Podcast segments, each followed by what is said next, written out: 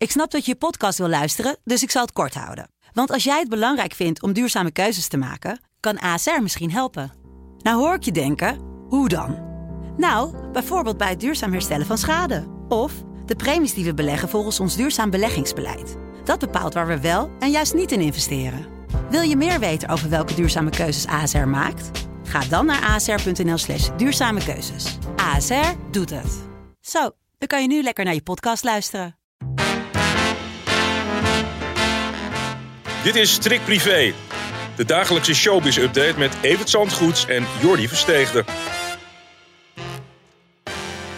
Op Privé Day, daar zijn we weer met een nieuwe podcast. En eh, we beginnen gelijk, Evert, met ontzettend triest nieuws dat jij gisteravond binnenkreeg. Ja, gisteravond laat uh, uh, kreeg ik te horen dat uh, Han Pekel is overleden. 75 jaar oud, net 75 jaar oud. Hij heeft het nog groot gevierd in Hilversum met zijn hele gezin. En hij was vast van plan de kerst te gaan vieren op Bali. Daar was hij laatst naartoe gevlogen, omdat zijn ene dochter daar woont in Sanur. Die is daar voor een jaar neergestreken. En samen met zijn zus Mireille van bijna 80 reisde Han Pekel naar dat prachtige Indonesische eiland om daar een lange periode door te gaan brengen. Hmm. En uh, gisteren kwam daar ineens uh, plotseling een einde aan toen hij onwel werd, een hartaanval had uh, gekregen en gepoogd nog is om hem te reanimeren. Maar helaas mocht dat niet meer baten. En voordat de ambulance er was om hem naar het ziekenhuis te brengen, was hij al overleden. Wat ontzettend triest. Ja, het is ook wel de man die iedereen voor zijn camera kreeg hè, in het tv-monument.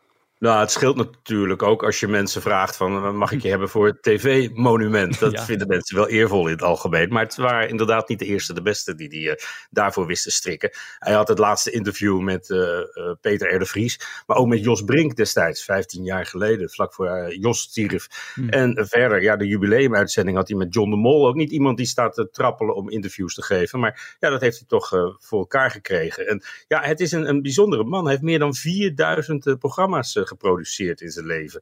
Daarom heet het ook Wordt Vervolgd, uh, denk ik. Het zijn hele lange series. Maar TV-monument voor Omroep Max, dat maakte die. En dat, was, uh, dat zijn prachtige, dat zijn pareltjes eigenlijk. Het zijn echte TV-monumenten. Wat hij, zoals Jan Slachter me gisteravond zei, zelf natuurlijk ook was. Een TV-monument met zijn strikje. En uh, ja, vrolijke, kleurrijke programma's. Vooral dat wordt vervolgd. Mm. Die man die kon niet in een restaurant zitten. Of er ging weer iemand Woody Woodpecker naast hem doen. naast hem. En ja, hij zal worden gemist. Een mabele man.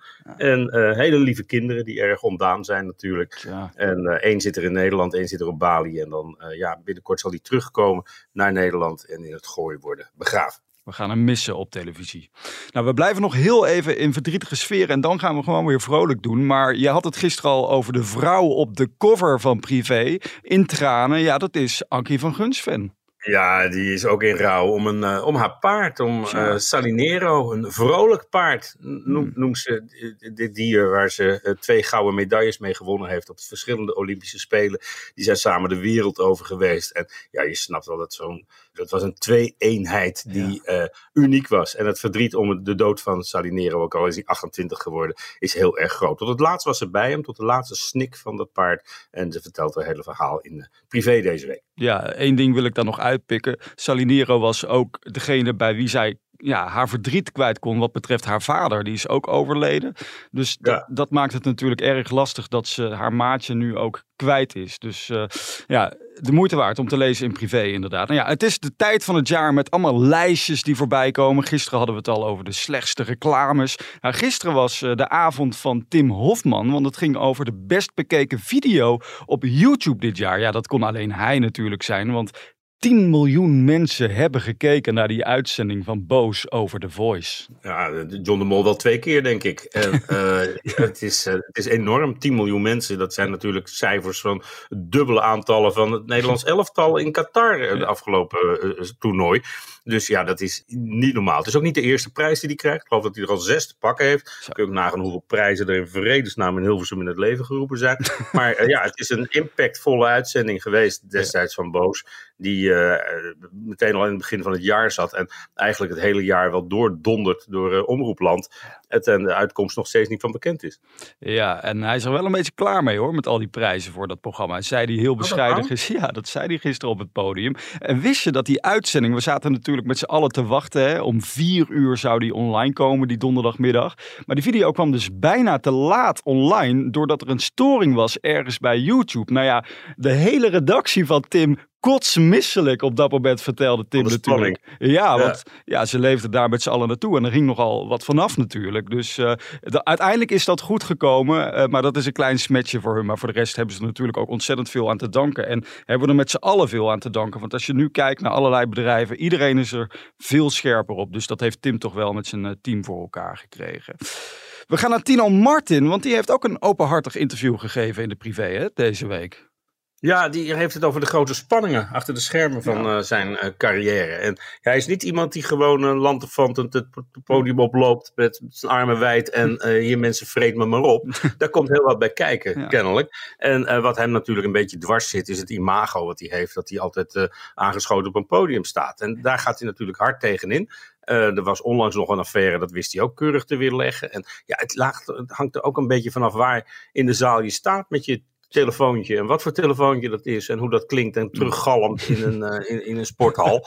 En uh, hij zegt, ja, eh, als je gewoon de, de originele opname zou beluisteren, de, de van, ja. van mijn, mijn, geluidsman, dan klinkt het allemaal prima. Dus ja, hij heeft zijn hele huis in kerstsfeer, daar gaat hij kerst vieren en hij heeft daar altijd een, een, een mooi momentje foto van zijn zus staat er, die onlangs, of een paar jaar geleden overleden is. Zijn moeder, die het daar natuurlijk altijd moeilijk mee heeft. En vooral met kerst en met elkaar uh, komen zij die dagen wel door. Ja. En uh, dat is een mooi verhaal hoe die dat, uh, hoe die dat vertelt. En herkenbaar voor iedereen die ook een dierbare mist aan de kerstdis.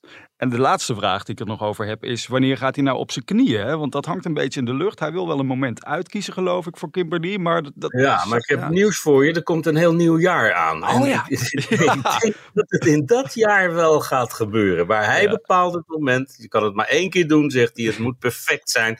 Dus op het moment dat uh, Kimberly het niet verwacht, denk ik dat ze ineens uh, Tino voor de, op zijn knieën ziet zitten. En na alles heeft zij dat verdiend. Uh, ja, het leven van een, uh, een volkszanger is zwaar, hè, las ik. Want Bart Hoogkamer die moest kiezen tussen of een boot of een vakantie. Hij heeft voor dat laatste gekozen. Hij heeft voor, of niet? Nee, hij heeft voor een boot gekozen, geloof ik uiteindelijk. Ja, maar die vakantie die komt ook nog wel, denk ik. Hij is zo succesvol. Hij vult zo zijn zakken. En het is hem gegund hoor. Want ja. ja, het is een vrolijk jong met een strot van heb ik jou daar.